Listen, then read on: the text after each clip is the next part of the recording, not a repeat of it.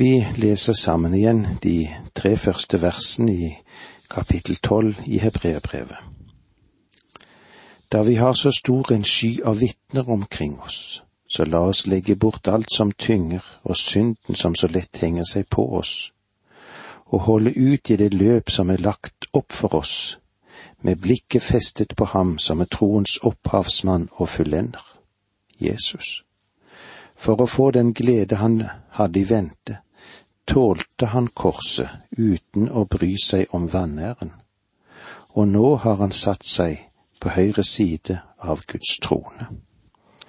Ja, tenk på ham som holdt ut en slik motstand fra syndere, så dere ikke blir trette og motløse. Under vår kristne kamp skal vi se på Jesus, og vi skal se òg på de som er vitner, trosvitner og blodsvitner. Og de vitner om den sannhet at de, det de trodde på, hva var det? Jo, det holdt. De er derfor Guds vitne for oss ved sitt troseksempel. Og vi skal ha de slik i minnet vårt, og at de er i våre tanker. Troens vitner er en utfordring til alle troende mennesker. Hvorfor? Jo, at vi kan avlegge alt som tynger. Og eh, som vi tidligere har sagt, må alle unødige ting tas bort. Klær og byrder. Vi må i troens løp være i en slik situasjon at ting som tynger oss ned mot jorden, ikke må styre livet vårt.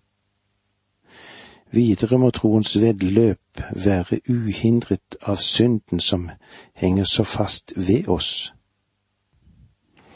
Her gjelder det ikke bare alle mulige fristelser som er brudd på Guds lov, men hvordan vi har det som enkeltmennesker, og hvordan vi har det med våre personlige, naturlige gaver. Vi må heller ikke la det være med å hindre oss. Du vet, vi har et temperament, vi har en måte å leve på, alle disse tingene kan òg være med å hindre vår fremgang i Guds rike. Det er eh, en oppmuntring eller formaning til oss alle å leve i det vi kaller for en daglig omvendelse. Kristenlivet er en livslang, livslang kamp det mot den gamle Adam som er i oss, og derfor trenges det tålmodighet i kampen for den er i oss fortsatt. En kristen er en som må kjempe. Vår tålmodighet, hvordan er det med den? Jo, den skal i grunn ha sitt forbilde slik som vi så Jesus når det fortelles om han i vers tre. Trosvitnene og de bildene som de er for oss, de er inspirerende. Men eh, trosvitnene, de bringer jo ingen kraft til oss. Kraftkilden er ikke i den troende, men utenom. Kraftkilden er ikke det synlige, men i det usynlige. De som seiret i troen i den gamle pakt, de seiret i det de så fremover til Guds løfter. Da vi har dette eksempelet på kraft fra Guds løfte, så la oss da følge deres forbilde. I det vi ser på troens opphavsmann og fullender Jesus. Hovedsaken i vår tro er og blir at vi tror på ham, han som kalles opphavsmann, fordi det er han som er begynnelsen. Guds ord kaller ikke oss til en konsentrasjon om troen, men om troens gjenstand. Og dette er troens hjerteholdning både i starten og under løpet, for han er troens fullender. Det betyr at troens liv er hans verk, ifra begynnelse til slutt. Dersom du ikke kan gripe troen, så må du prøve å la troen gripe deg. Jesus han led tålmodig på korset, og denne lidelsen er åpenbaret på tre måter. Først led han selve korsets lidelse legemlig og åndelig, og han var forlatt av sin far. Dernest, uten å akte vanæren, for å henge der utstilt som en forbryter mellom to røvere på forbannelsens tre på korset. Guds egen sønn, hans plass var jo i himmelen, og som etter sin oppstandelse nå sitter på høyre side av Guds trone. Han fornedret seg tålmodig fra sin himmelske kongestand til den usligste av de usle, synderens vanære.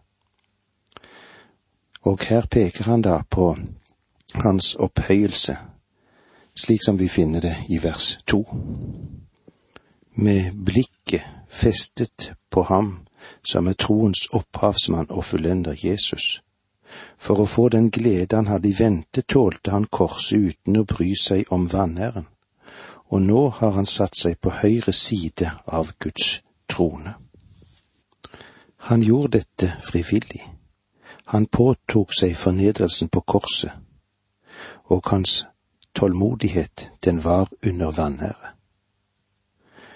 Og for det tredje så led Kristus tålmodig en slik motsigelse av syndere, at han som av Pilatus tre ganger ble kjent uten skyld. Han ble hengt på korset som den skyldige. Han som bare hadde vist syndere velgjerninger. Han ble ved falske anklager dømt skyldig han som hadde åpenbart Guds gjerninger. Han ble korsfestet. Hvorfor? Jo, for Guds bespottelse. Han som var sannhetens konge. Hvordan var det med han? Han ble kronet med en tårnekrone av løgnere. Vi kristne som bekjenner troen på Frelseren, blir fristet til motløshet av den vonde. Og da sier det at vi må feste oppmerksomheten på lidelse, på vanære, på det som kalles for motsigelse av syndere, slik som det møtes for oss alle sammen i verden. Kilden her er å ikke bli trett og motløs. Er du kommet i en slik situasjon at du er motløs? Motløs? Gi akt på Jesus. Sjelens motløshet er verre enn vanlig tretthet, og det å gå trett i kampen mot synden, det er farlig. Se på Jesus, gi akt på Jesus. Vår egen syndighet vil også motsi troens tilstand, men ved å gi akt på Jesu stedfortredende lidelse skal vi som befriede syndere få erfare Jesu løfte. Han har sagt, ta mitt åk på dere, lære meg. Troen på Jesus og se ham der ved Guds trone, helt fra korsets fornedelse, det består i at vi skal se på ham, gi akt på ham, som ber for den enkelte av sine fra den høyre side av Guds trone. Det skulle gi vår sjel kraft og nytt mot.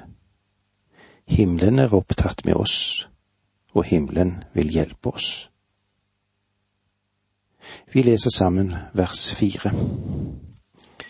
I kamp mot synden har dere ennå ikke gjort slik motstand at det gjaldt livet. De trosprofetene i Det gamle testamentet som ga sitt liv, som var martyrer i sin kamp mot synden. Jesus han ga sitt liv på korset for å være vår stedfortreder for syndens skyld. Fordi han er Guds sønn, er hans seier enestående. Den er uten sammenligning med noen. Men eh, både hans lidelse på korset og martyrenes eksempel opp gjennom tidene skal minne oss om at enda har ikke gjort motstand like til blodet. Da hentydes det til det som seinere ville skje forfølgelsen fra hedningene om det romerske riket skulle bryte løs. Det hadde ikke startet enda mot de troende. Men det dere har ennå ikke gjort motstand slik at det gjaldt livet. Og så er det spørsmål hvordan er det med oss, hvordan er det med deg og meg? I kamp mot synden har dere ennå ikke gjort slik motstand alt i alt livet. Og med disse ordene sier vi takk for nå, må Gud være med deg. Dette undervisningsprogrammet består av to deler. Åge Nevland fortsetter nå med andre del av dagens undervisning. Vi er i Hebreerbrevet i det tolvte kapittel, og eh, vi har stoppet opp fra de første versene der, og nå skal vi se hva vi får med oss ifra det femte verset utover. Har dere glemt de manende ord som taler til dere som til sønner? Min sønn, forakt ikke Herrens tukt. Mist ikke motet når han refser deg. Ettersom vi alle av naturen er ulydige og gjenstridige mot Guds vilje, gode vilje, så viser Gud sin kjærlighet ved å oppdra oss ved slike ting som er med på å hemmer vår syndige natur, det som vi kan kalle for selvkjærligheten, egenviljen og kanskje lysten til det onde. Det står her at Guds barn, den Herren elsker, den tukter han. Men betegnelsen er at Herren ikke tukter i vrede, men i kjærlighet og det vi skal stoppe opp for nå, du skal frykte og elske Gud. Ja, hele tankegangen er at Gud oppdrar oss til ærefrykt for det himmelske. Har dere glemt de manende ord som taler til dere som til sønner? Min sønn, forakt ikke Herrens tukt. Mist ikke motet når han refser deg. Det han viser til her, er det vi finner i jordspråkene tre, elleve og tolv. Forakt ikke Herrens tukt, min sønn.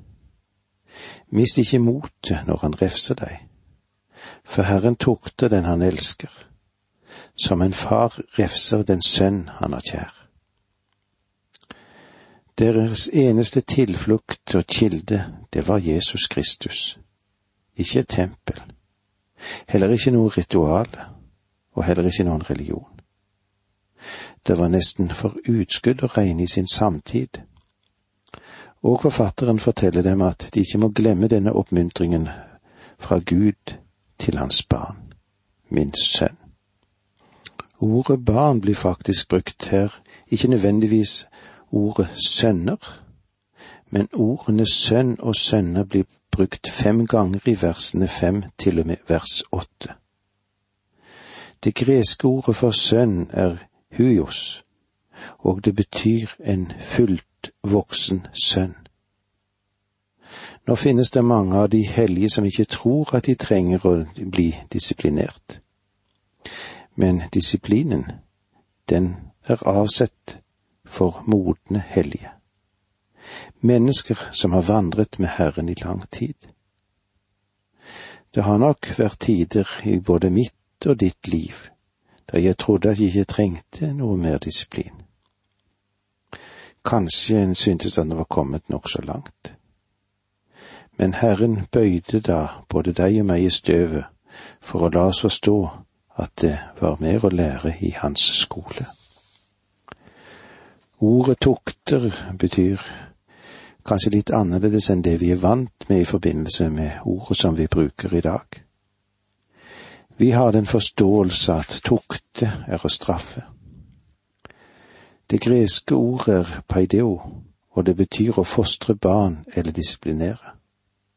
Du skjønner at Herren disiplinerer sine egne barn. La oss lese versene seks til åtte i kapittel tolv. For Herren tukter den han elsker, og refser hver sønn han tar seg av. At dere må lide, det tjener til å oppdra dere, for Gud behandler dere som barn. Finnes det en sønn som ikke blir tuktet av sin far? Hvis dere ikke får tukt som alle andre, er dere ikke sønner, men uekte barn. Spørsmålene stilles av og til, og det er forståelig at det, det blir stilt. Hvorfor lider de, de rettferdige? Da sykdommen kom inn i enkeltes liv og binder personer til å være rolige i lengre tid.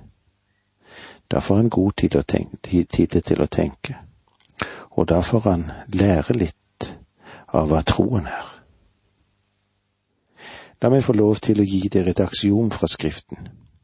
Guds barn lider. Bibelen argumenterer ikke mot det. Bibelen bare sier at det er sant. Salme 34, 19. Mye vondt må den rettskafne lide, men Herren frir ham ut av alt. Og i Jobbs bok leser vi i kapittel fem vers syv.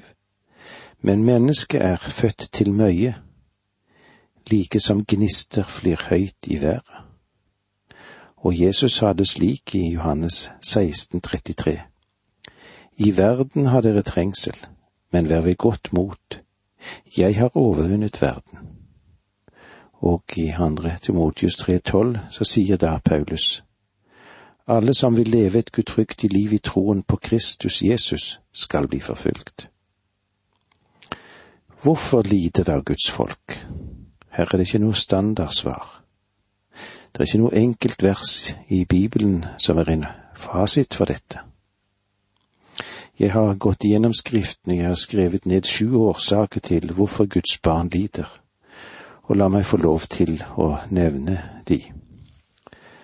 Den første grunn eller årsaken til at vi lider som Guds barn, og til og med som Hans modne barn, er vi på grunn av vår egen dumhet og vår egen synd.